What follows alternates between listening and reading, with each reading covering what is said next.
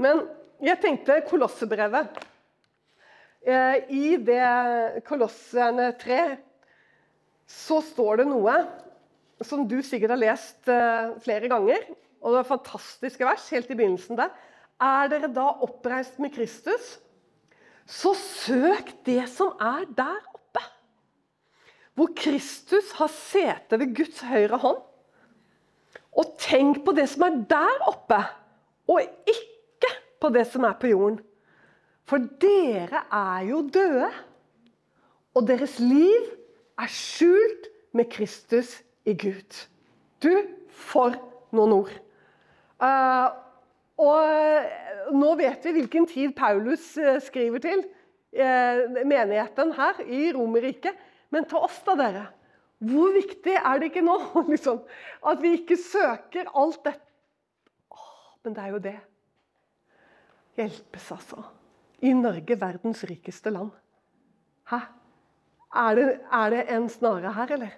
Å søke alt dette som er rundt. Og så sier Paulus, søk det som er der oppe. For der er vårt liv, dere. Fordi Kristus sitter der ved Faderens høyre hånd. Vårt liv Søk det som er der oppe. Søk Han i bønn. Søk Han i Den hellige ånd. Søk Han i Skriftene. Og det var én i Bibelen som er et forbilde for oss. Mer enn noen annen. Og det er Daniel. Og han har det vært sunget om i søndagsskolen, og han har det vært talt om i ulike sammenhenger. Og vi kan nesten bli litt sånn blind for å på en måte virkelig se Daniel. For det er jo sånn Våg å stå som Daniel, liksom alt dette her. Men tenk deg den tiden han lever i. Han, han er en av de første som babylonerne tar med seg. Og så kommer altså denne realiteten som profeten hadde varslet. Sånn! Og Daniel, blant mange andre, blir tatt blant de første. Jerusalem står fortsatt. Tempelet står fortsatt. Daniel og mange andre er tatt til Babylon. Og da, og der skal vi begynne. Der skal vi gå inn og se på eh, Daniel sin holdning. Og hvordan han møter det. Og han er ikke gamle karen. Men han er lært opp i Skriftene, det skal du tro. Og han kjenner Herren. Allerede som ung gutt så står det Og blant dem, altså de som ble tatt Blant dem var av Judas sønner Daniel, Hanania, Mishael og Asaria. Og eh, Den øverste hoffsjefen han ga dem nye navn og kalte dem Daniel for Beltsasar. Hanania kalte han for Shadrach. Mishael kalte han for Mesiak. Og Asaria kalte han for Abednego. Og Daniel la seg på hjertet at han ikke ville gjøre seg uren med kongens retter og med vinen han drakk. Og han ba sjefen, altså den øverste hoffsjef, om å få slippe å gjøre seg uren. Alle disse fire unge mennene, inklusiv Daniel, hadde navn som æret Herren, den levende Gud. De hadde navn som sa noe om Gud. At uh, Gud er min dommer, eller Gud er nådig. Og et annet navn er Gud er min hjelper. Det første de gjør, det er å endre navnene på disse unge mennene. Så de får babylonske navn. Altså de skal sette avgudenes stempel på dem. Så de navnene som kommer her, de ærer de babylonske gudene, og ikke Herren. Og så skal de læres opp i Babylons skikker. De skal læres opp i Babylons kultur. De skal undervises i deres veier og måter og moral, garantert. Og Daniels reaksjon Med en gang Han vil ikke gjøre seg uren. Og så er det maten her vi får en undervisning om. Men du vet at Daniel han tar med en gang posisjon i forhold til fordelene av på en måte å leve på verdens vis. For det er jo det som blir tilbudt dem. Det er jo rett og slett en innføring i å bli sånn på verdensvis. For det som var disse unge mennenes verden, det var Babylon fra og med nå. Det er verden. Og Babylon er ikke bare Babylon, det var et verdensrike. ikke sant? Enormt. Dette ble realitetene. Det skulle de læres opp i. Men med en gang så er de der. Og søker ikke det som er av verden. Og vi er jo like mye på en måte i Det nytestamentlige. Hva var det Jesus sa? Han ba oss om å ikke søke det som er av verden. Ikke sant? Søk det som er der oppe. Det var Paulus, men Jesus han sa det sånn. Den som elsker verden, har ikke kjærligheten til Faderen i seg. Tenk deg det! Sånne ord. Se hvordan Daniel han, han kjenner sin Gud. Han kjenner virkelig Guds ord. Men det er denne, det er denne eh, liksom dette å ha den bevisste eh, forholdet til verden og det samfunnet som du er i og lever i, men som ikke skal prege deg. Men så skal vi se, i stedet så er det Daniel som preger det samfunnet. Fordi han lever med det ene å søke Herren. Salig er den mann som søker Herren. Så Daniel han er et nydelig forbilde for oss. Nydelig. Første menighet den har vi ja, vi har den i apostlenes gjerninger. Vi kan følge den utover, men allikevel det blir så kort. Men Daniel får vi lov å være med gjennom flere konger. Han overlever flere av disse kongene. Og han overlever også det babylonske riket og blir med like inn i det persiske riket. Han får enorm betydning for flere konger. Nepokadneser ender som en troende mann pga. Daniel og vennene hans. Har du lagt merke til hva det siste vi har av Nepokadneser? Og det er jo spesielt dette ildånden. Det gjør dypt inntrykk på han. Eh, det som skjer med disse vennene, som var villige å risikere sitt eget liv for å stå ved den Gud de elsker, og ikke svikte den Gud de elsker. Det er større for dem enn deres eget liv å elske Gud av hele sitt hjerte, hele sin sjel og all sin makt, slik det står i Det gamle testamentet. Og dette har vi kommet inn i i Kristus Jesus. Ikke ved bokstavens ånd og lovens ånd, men ved Den hellige ånd å elske Han. Vi har den ånd i oss, dere, som elsker Herren vår Gud av hele vårt hjerte, hele vår sjel og hele vår forstand. Elsker den ånd som bor i deg, Gud. Så det handler liksom om å lytte til kjøttet eller å lære seg å leve i ånden. Som elsker Gud på denne måten, og som har blitt deg ved den nye fødsel. Som har blitt ditt egentlige deg ved den nye fødsel og elske Gud slik. Så han fikk prege, og vennene hans fikk prege, det babylonske samfunnet. Og det er ikke så ofte egentlig at vi liksom legger merke til det, for vi snakker som oftest om profetiene når vi er i Daniels bok. Men se hva Nepuganeser, det siste vi har av han, i fjerde kapittel i Daniels bok, så står det helt på slutten jeg, Nepukadnesa, løftet mine øyne til himmelen og fikk forstanden tilbake. Og jeg lovet den høyeste og priste og opphøyet ham som lever evig. Hans velde er et evig velde. Hans rike er fra slekt til slekt. Og alle som bor på jorden, er for intet å regne. Han gjør som han vil med himmelens hær og jordens beboere.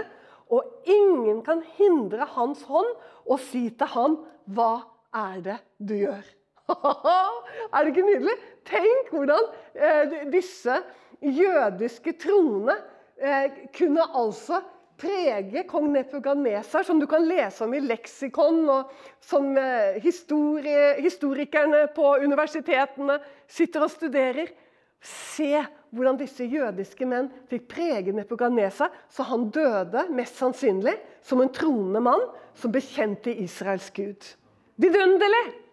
Fordi en slik overgivelse som Daniel og disse tre vennene Det må ikke bli eventyrfigur for oss, men det må bli til inspirasjon for oss hva Gud kan gjøre i våre liv.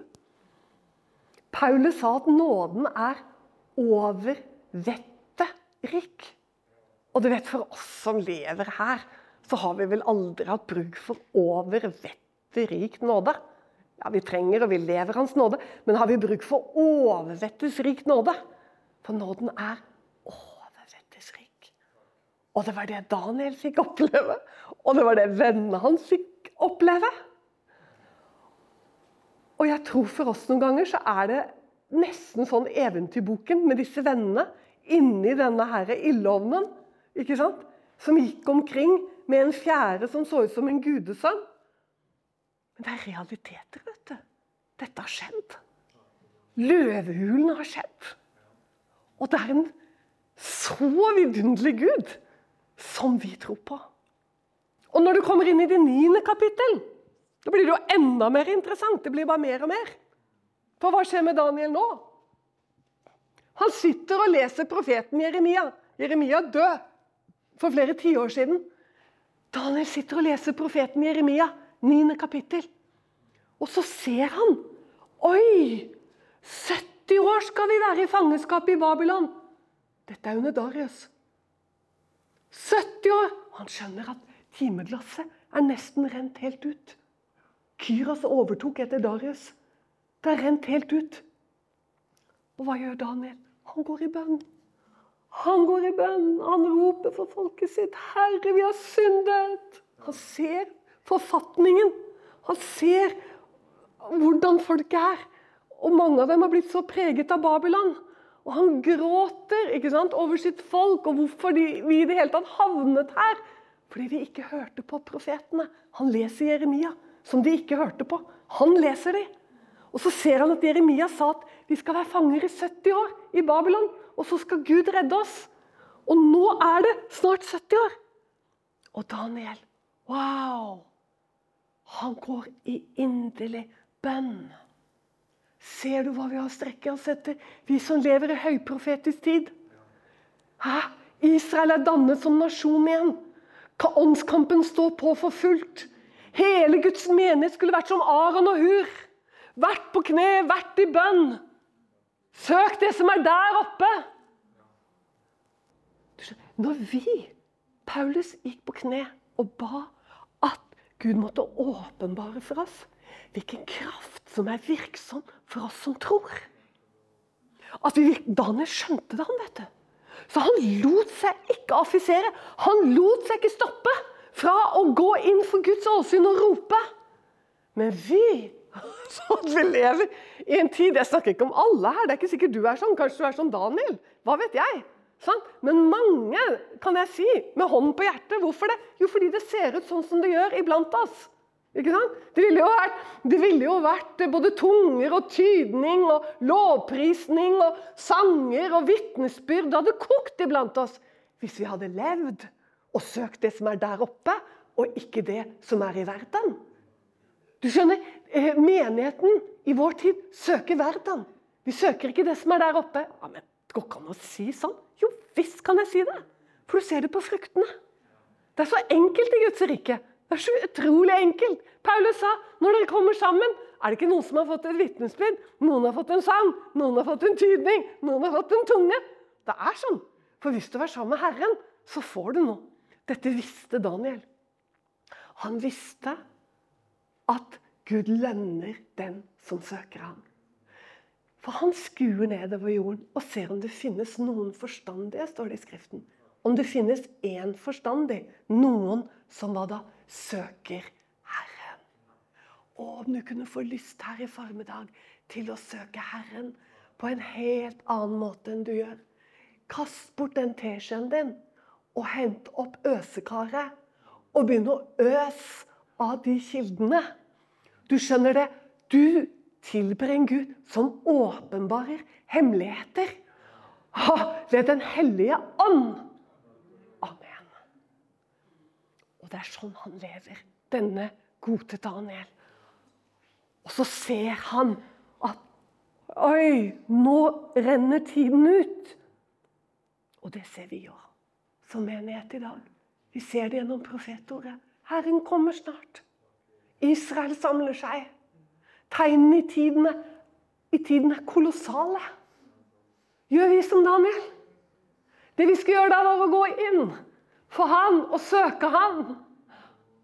Be om tilgivelse over menighetens synder, over vår sløvhet, vår halvhet, vår, vår verdslighet.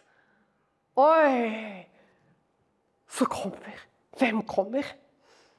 Gabriel kommer.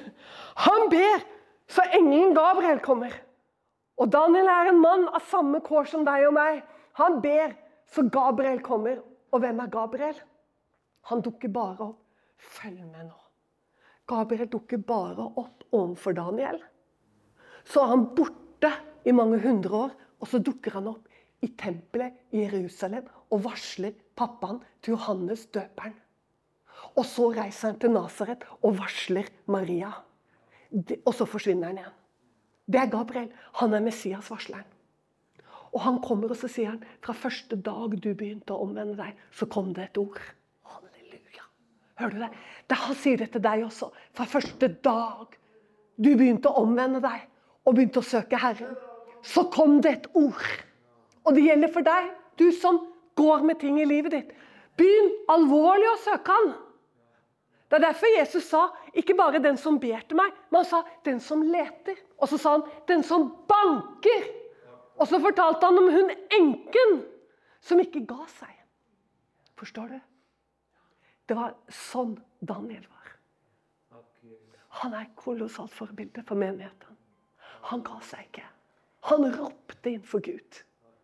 For han hadde en sånn tørst, denne Daniel. Ikke etter Babylons mat og fine retter, biler, hytter, båt, restaurering, selskaper. Alt dette. Og ferier og Spania og ditt og datt. Han hadde bare en sånn tørst etter Gud! Det er dit vi må. Det er ingen annen vei. Halleluja! For det er ikke veldig vanskelig. da, Du bør ikke flybillett. Du behøver liksom ikke arbeidsklær. Du behøver ikke fine klær. Du behøver ingenting annet enn et hjerte som lengter etter Gud. Og du skjønner det, fra den stund, fra første stund du begynte å omvende deg menighet, så kom det et ord. Og hva betyr det? Så kom det åpenbaring ifra Gud. Uten åpenbaring går menigheten vill. Men når åpenbaringen begynner å komme i menigheten, skjønner du, da blir det retning, da blir det ledelse, og da kommer vekkelsen. For det er han som skal si hva vi skal gjøre. Det er han som skal komme med det ord om hva vi skal gjøre. Det er han som skal forkynne framtiden om det som ennå ikke har skjedd. Han sier det før det skjer, for at vi skal tro når det skjer. Det kom et ord. Halleluja, når det kommer ord. Gud gjør alt med ord. Han, han frelste meg med ord. Han frelste deg med ord. Han holder oss oppe med ord. Vi lever av hvert ord som går ut av hans munn. Fra første stund. Vent nå. Daniel hadde holdt på å be og faste og rope i ti dager. Men det var allerede fra første stund at det kom et ord. Du høyt elskede mann. Hør her, mannfolk. Dere har latt mye kvinnene ha bønnearbeidet, men dere tar skikkelig feil. Det er mannen. Se på jødene. Det er mannen som har det åndelige overhåndssvar i familien. Du kommer til å, å bli stilt til rette for det. Skjønner? Ikke, ikke bli sinna på meg nå. Du skjønner, Vi skal alle fram for Kristi domstol. Amen. Det betyr ikke at du er noe mer verdt enn vi som kvinner, men det er ulike ordninger i Guds rike. Dette skal du være klar over. Så som du høyt elskede mann som er her i ettermiddag, søker du Herren. Søker du Han med ifer? Er det nesten sånn inni deg at det er så tørke at du vet ikke helt hvordan du skal begynne engang? Da skal jeg si til deg begynn med å bare være bann ærlig. Hvor du er hen. Be om å få trådene tilbake. Ber at han får gjøre det han vil inni hjertet ditt, sånn at tørsten kommer for fullt. Og når den tørsten kommer for fullt, du skjønner, da er det ikke vanskelig å være i bønn over tid. Halleluja! Og sånt. Vidunderlig Gud vi har. Betyr ikke at ikke han kaller kvinner til bønn. Men det er litt misforstått, dette her. Du vet Ved fallet tror du ikke Gud visste at det var eh, kvinnen som begynte? Tror du ikke han visste det? Men hvor var det han gikk hen? Han gikk til Adam. Så hva er det du har gjort? Nei, det var ikke jeg, det var jo hun. Og så, så, jeg må, du, En liten parentes. En liten parentes. Klarer vi to minutter til? Ja, takk. En liten parentes. Eh, jeg hadde en vidunderlig eh, venninne. Hun, hun, reiste hjem da hun var 95. Hun var som Daniel, rett og slett. I kvinnelig utgave. Rett og slett som Daniel. Aldri vært borti noe lignende. Aldri. Torborg het hun. Fra Finnmark. Og hun sa til meg Eva, har du noen gang tenkt over Jeg syntes det var litt gøy da, at jeg het Eva. Har du tenkt over hvorfor var den slangen der? Alle, alle liksom legger skylden på Eva. Men hvorfor var den slangen der? Og så visste jeg med en gang hvor hun ville. For hva var det Gud sa til Adam? Det var to ting. Når han kom inn i hagen, det var at han skulle dyrke den, og så skulle han vokte den. Hører du, mannfolk? Det er ansvaret. Du skal arbeide. Du er satt til arbeider og forvalter over det, men du er også vokter. Du er vokteren. Så sier Torborg til meg Spørs om eh, Adam hadde gjort jobben sin så bra. For hvorfor var egentlig den slangen der? Veldig godt spørsmål. Du som er satt i din familie. Skal du vokte din familie, så må du vokte den i bønn. Så må du vokte den innenfor Herren. Du må søke Herren. Hvis du vil at kona di skal søke Herren, så får du begynne å søke Herren. Du får søke Herren. For det er der ditt svar er. For deg selv privat, det er hos Herren. Og for familien din, det er hos Herren. Og for menigheten, det er hos Herren. Og med en gang du begynner å søke Han av hele ditt hjerte, så kommer det et ord. Det kommer et ord. For sånn er Gud. Han svarer nemlig de som roper Han. Det står i ordspråkene i det 28. kapittel at den som søker Herren, skjønner alt. Halleluja! altså. Daniel hadde, hadde nok lest det. Den som søker Herren, skjønner alt. Det betyr selvfølgelig ikke alt, men det betyr alt det som du trenger å skjønne. Det, det fins hos Han. Det kommer et ord. Det kommer et ord. For en Gud vi har. For en vidunderlig Gud vi har. Niende kapittel, da kom Gabriel. Jeg sa at i Bibelen er han Messias-varsleren. Han kom i kapittel 9. Men hvem er det som kommer i 10, 11 og 12? Hvem er han i linklær? Skal vi lese om han til slutt, før vi gir oss? Sånn at vi virkelig skjønner når vi søker Herren. Åpenbaringer. Han fikk påvirke konger. Han fikk påvirke Nepoganeser så han ble en trone. Han fikk påvirke Darius så han ble en tronemann. Han fikk eh, påvirke sitt, det samfunnet som var rundt ham. Men det nydelige er å lese i avslutningen når han ser en ikke Og nå er det ikke Nå er det ikke eh, Gabriel han ser. Og jeg løftet øynene, tiende kapittel. Og det er denne det handler om, ut kapittel tolv denne personen som kommer nå. Og jeg løftet øynene og så, og se en mann kledd i lin, med et belte av gull fra Ufas om hoftene. Og kroppen var som krysolitt. Ansiktet som glimt av lyn. Øynene som flammende fakler armer og ben som skinnende bronse, og lyden av hans ord som larmen fra en folkemengde. Og jeg, Daniel, så synet alene. Ja, Det var egentlig ikke det jeg skulle ta, bare hva han ser. Og så går vi dere til Johannes' åpenbaring. Vi går til det første kapitlet i Johannes' åpenbaring, bare for at du skal se eh, hva Johannes ser, og hvor innmari likt det er. Han ser en som går mellom lysestakene. 13. verset, første kapittel. En som lignet en menneskesønn, kledd i en fotsid kjortel og med et gullbelte. Hører du han også har gullbelte om seg. Hans hode og hår var hvitt som hvit ull som sne. Og hans øyne her også var som flammende ild. Føttene var som bronse så når det er glødet i en ånd, og røsten som lyden av mange vann Tenk deg Daniel. Først kom Gabriel, og så kom Herren selv. Messias, Kristus, åpenbarer seg for Daniel i det tiende kapittel.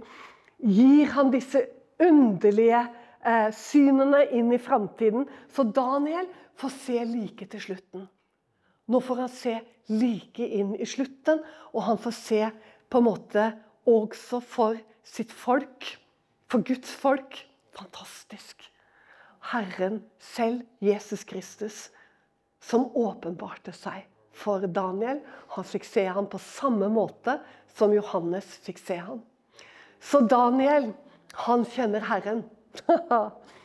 Og han er et forbilde for oss, dere, å søke Han hele vårt hjerte. Du har hørt det før, og nå hører du igjen. Og nå reiser vi oss opp, for jeg vil be for deg. Jeg vil be. Halleluja. Stå med oss økonomisk og i bønn. Du finner oss på utentvil.com.